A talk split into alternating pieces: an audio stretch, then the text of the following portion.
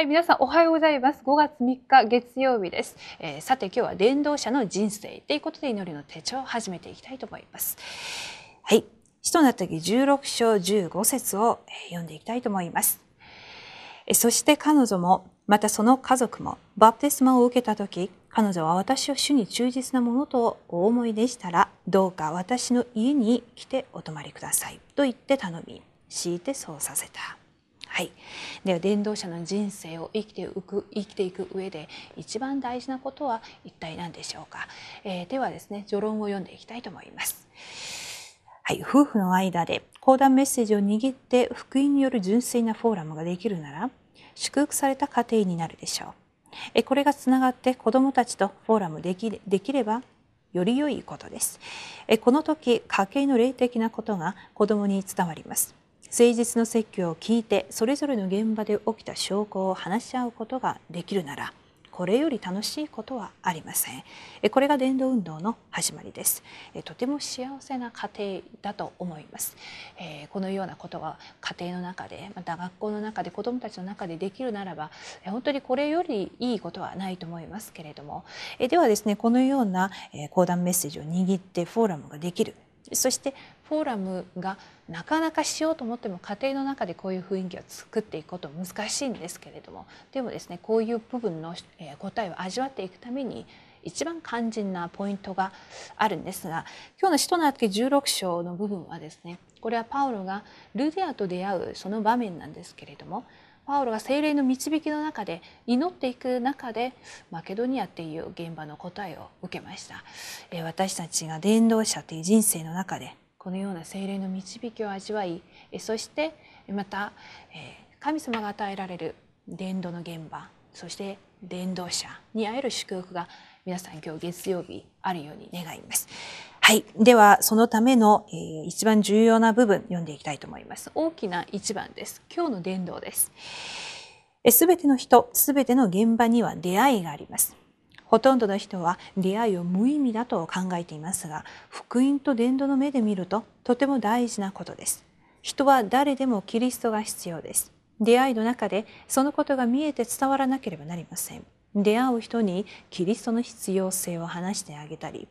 重要な資料を渡してあげればよいのです。その人がキリストについて必要性を感じたら、その時イエスがキリストであると話してあげるのです。これが今日の伝道です。皆さんの今日の日程やスケジュールの中で今日お約束されている出会いそして今日また誰かとますれ違うことがあったりたった5分10分も皆さんがお話をする機会があればですねたとえ資料を渡したりキリストの福音っていう言葉が出なかったとしてもその人を置いて祈る時間を少し設けてみるのはどうでしょうか。はい、では今日の御言葉です。私たちは講談と現場から伝えられるメッセージと今日の御言葉を常に見つけ出さなければなりません。特に誠実の教会の講談を通して伝えられるメッセージを握って今日の御言葉を探すべきです。そして現場に行けば必ず今日の御言葉が何であるかを分かるようになります。この時私たちの人生が御言葉によって導かれるようになります。これが現場で勝利する最高の道です。すべてのことに対して私たちが伝道ということを抜かしてですね考えますとなぜ御言葉が与えられたりどうして祈ったらいいかということが全部こうつながりません。皆さんが今日一日を伝道を企画してみてください。それは簡単なんですが今日のスケジュールの中であ全てを伝道とつなげて考えてみてください。何時何時の会議だとか誰々との約束だとか誰とのお友達との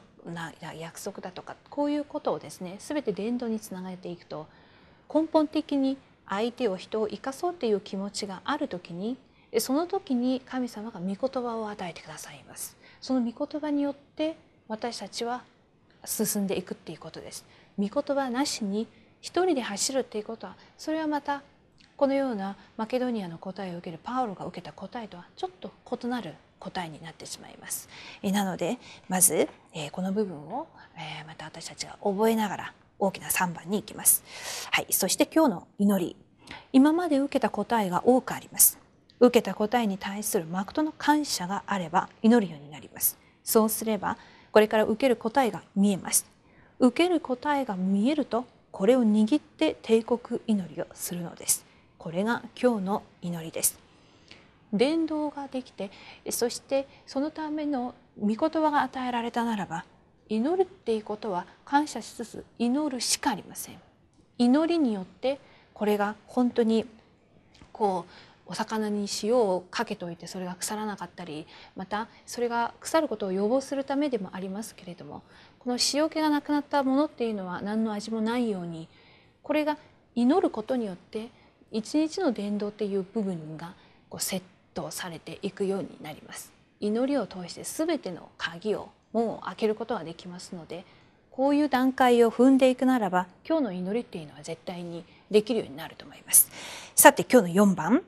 伝道者の生活をどのように始めればよいのでしょうか？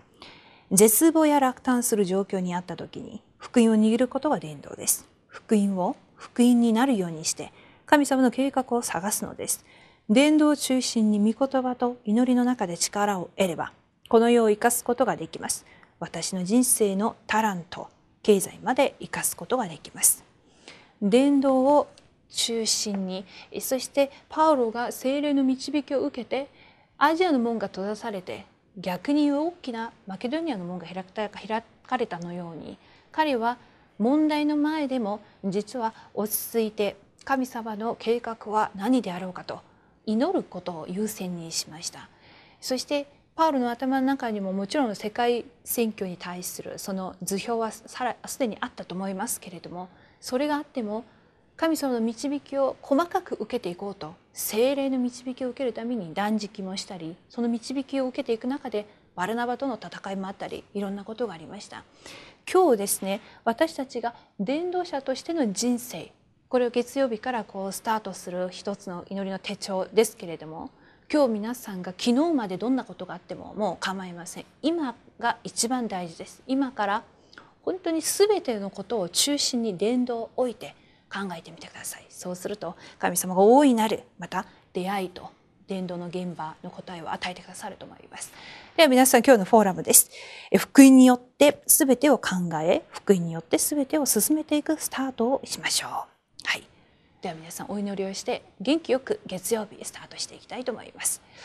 はい。神様ありがとうございます。伝道者の人生っていう今日の祈りの手帳を通して私たちが伝道を一度考えてみるようにさせてください。今日一日の中で空いた時間10分でも5分でも伝道を置いて考えながら自分が伝道とどれぐらいの距離感があるのかどれぐらい伝道に対して今の自分の感情はどうかそして伝道に対して私は一体どれぐらい思っていたか考えてみるのは考えてみることができるようにさせてください。